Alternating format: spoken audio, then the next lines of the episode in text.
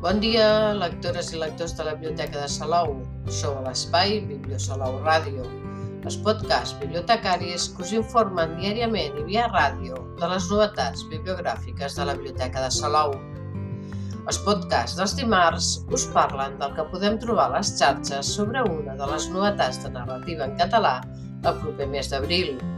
I avui, 8 de març, us presentem el llibre L'agonia de Bakunin, d'Àngel Casas, publicat en paper i també en format electrònic aquest passat mes de febrer per l'editorial Univers.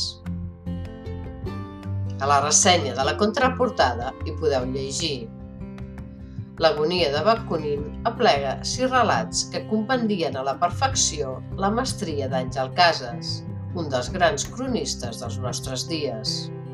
Amb la seva mirada característica sobre la realitat i els seus afers, L'autor endinsa el lector en un entramat de textos que fluctuen entre la irreverència més absoluta i la melangia, entre l'humor més negre i el lirisme. Per aquestes pàgines transiten personatges del tot excepcionals, entre d'altres, Bakunin, un gos pataner capaç de fer esclatar Barcelona en flames i unir en un amor impossible una rebel antisistema amb un dels hereus d'una de les grans fortunes de Barcelona, passant pel mossèn Tomàs i Sor Débora, ferments defensors de la resistència contra el celibat, un escriptor de novel·les policíaques, assassinat al seu apartament quan estava a punt d'entregar el seu últim best-seller, o un autor del tot incapaç d'escriure sobre personatges femenins, fins que un bon dia recorda una amiga que deia que creia que havia follat poc. En aquesta ocasió, doncs, l'Àngel Casas publica un recull de sis relats llargs que va escriure fa tres anys, abans de la pandèmia, tot i que han estat revisats després de la pandèmia i després de superar tots els problemes de salut que li han sobrevingut, que no han estat pocs ni fàcils. En aquests sis relats, o novel·les breus, tal com diu l'autor, hi retrata la vida quotidiana de Barcelona amb una mirada com satírica i sarcàstica, irreverent i provocadora, amb l'embolcall de l'humor, però més enllà d'aquest humor latent, que és el que té de normal i propi l'Àngel Casas, els relats hi parla de sexe, en tots i en detall, també de religió i dels polítics, de temes seriosos com el celibat i la corrupció, els assassins de dones i el xoc entre ocupes i burgesia. Tot i que estem en el terreny de la ficció, és clar, l'autor sempre parteix de persones i històries que coneix o que ha vist de primera mà, sobre les quals inventa i converteix en situacions inverosímils i inversemblants, en un joc de relats dins els relats, sense límits. El llibre té 320 pàgines i conté, com hem dit, 6 relats, de llargària, de llargària desigual, però no són breus. El primer, i el que dona nom al llibre, és l'agonia de Bakunin. I el Bakunin del llibre no és el pensador ideòleg dels anarquistes, sinó el gos emblemàtic dels ocupes de Vallcarca, que ha anat a totes les manifestacions. Deixa't anar, deslligat, perquè els nois que ocupen consideren que no s'ha de lligar ningú. Però, és clar, el poden atropellar. I això és el que passa. L'atropellen. I a partir d'aquí tot s'embolica i l'autor aprofita per fer un retrat de la hipocresia de la societat actual, d'una família poderosa contra els ocupes de Vallcarca, amb un final feliç perquè el polític de torn de fet, la mateixa alcaldessa de Barcelona ho arregla tot a la seva manera. Sursoncorda.com és el segon relat sobre una pàgina de contactes i cites, com el Tinder, però només per a monges, frares, religiosos i capellans que se citen per trencar el celibat obligatori i portar a la pràctica els seus anells sexuals, sense renunciar a la fe ni a la religiositat i absolutament creients. Un altre dels relats més llargs és el darrer cas de l'inspector Bosco Gómez, que escrit com una novel·la negra és un, re un relat surrealista en què un escriptor de novel·les policíaques és assassinat i l'inspector que investiga el cas és un personatge de les seves novel·les. Si pareu molt d'atenció perquè l'àudio no és gaire clar, el mateix Àngel Casas ens parla del següent relat.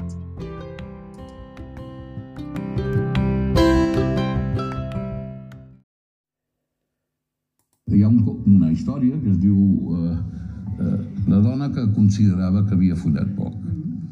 I aquesta és una història molt maca perquè és la literatura dintre de la literatura, allò del cine dintre del cinema, doncs, això és, i és un escriptor que vol escriure una novel·la com una dona, o sigui, que sembli que una dona, tal, i, i li costa molt, li costa molt posar-se en, el, en, en la mentalitat d'una dona per escriure i fa diverses provatures i, i, i, i ho estripa perquè està malament fins que se recorda una amiga seva que se li va morir el marit, on explica la història, i, i aleshores un dia amb molta confiança, perquè eren molt amics, li va dir, jo és que considero que, que, que he follat poc. I aquesta frase li dona peu a crear tota una història sobre això, que no té res a veure amb la seva amiga, però... Bueno, i aleshores construeix una història. I,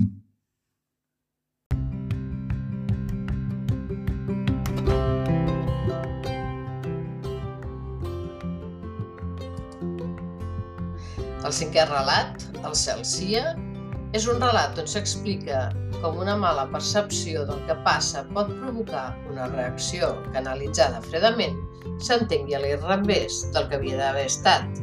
I aleshores tot s'embolica, com havia de sentit, tot es veu des d'una altra perspectiva. I el llibre es tanca amb el relat El discret hostal del fanalet vermell, que explica les històries que succeeixen en aquest mític moble del Tibidabo amb tota mena de luxes, per on passen polítics, advocats, dones de negocis i aristòcrates que van desapareixent, canviant, com les parelles en el joc del fanalet. Si relats, doncs, tots amb un final que no t'esperes, sorprenents, molt intensos, hiperrealistes en els diàlegs, amb situacions molt detallades i exagerades. I al final de cada relat, l'autor hi enumera els personatges i les col·laboracions especials a qui dedica el relat. A l'alcaldessa de Barcelona, a l'escriptor Sierra i Fabra, Woody Allen, Antonio Banderas, Lluís Llach i Martí Pol. Al catàleg de la nostra biblioteca podreu trobar també la seva última novel·la, Sidoní té més d'un amant, i al catàleg del Sistema de Lectura Pública de Catalunya tota la seva obra literària, tant de ficció com no ficció.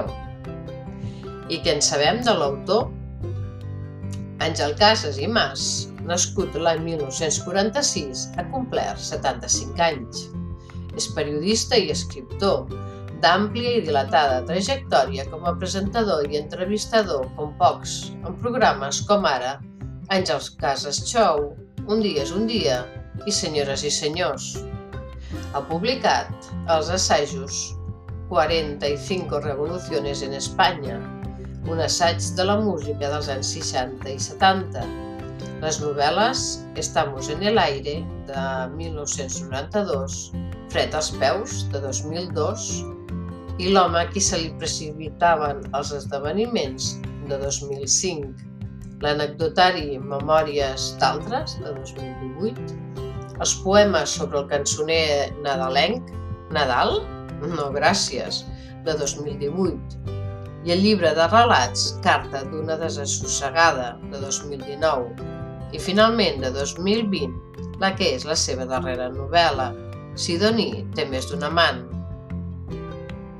Ha rebut dos homenatges, una nit especial a TV3 inclòs el documentari Àngel Casas, tal com Raja, i el vídeo homenatge a Àngel Casas, que properament s'estrenaran al teatre, en què els actors Montse Guallach i Ferran Renyer dramatitzen textos dels seus llibres, ell que n'ha escrit nou i es reivindica escriptor per sobre de periodista. Entre els seus múltiples guardons hi figuren dos premis Ondas, l'Antena d'Or el Premi Atlàntida, el Premi d'Honor a la Trajectòria al Festival Zoom 2017 i la Creu de Sant Jordi de la Generalitat. L'hem buscat a les xarxes i Àngel Casas té pàgina de Facebook barra àngel.casas.3572 i compte de Twitter, arroba Cases 2019, inactius des de 2020 i des de 2019 respectivament. Però podeu recuperar-lo a les múltiples, múltiples entrades a internet i seguir les entrevistes de publicacions escrites i de mitjans audiovisuals que li han realitzat arran dels seus darrers llibres. I conèixer les opinions que té sobre els temes que més li preocupen i comprovar l'humor que gasta amb ell mateix i els seus problemes de salut, com la de Catalunya Ràdio amb Laura Rossell del 9 de febrer o l'entrevista de versió RAC1 amb Toni Clapés del 18 de febrer passat. I fins aquí el podcast d'avui, però tenim més novetats de narrativa català que anirem descobrint cada dimarts. Que tingueu molt bon dia i molt bones lectures que us acompanyin en el dia a dia.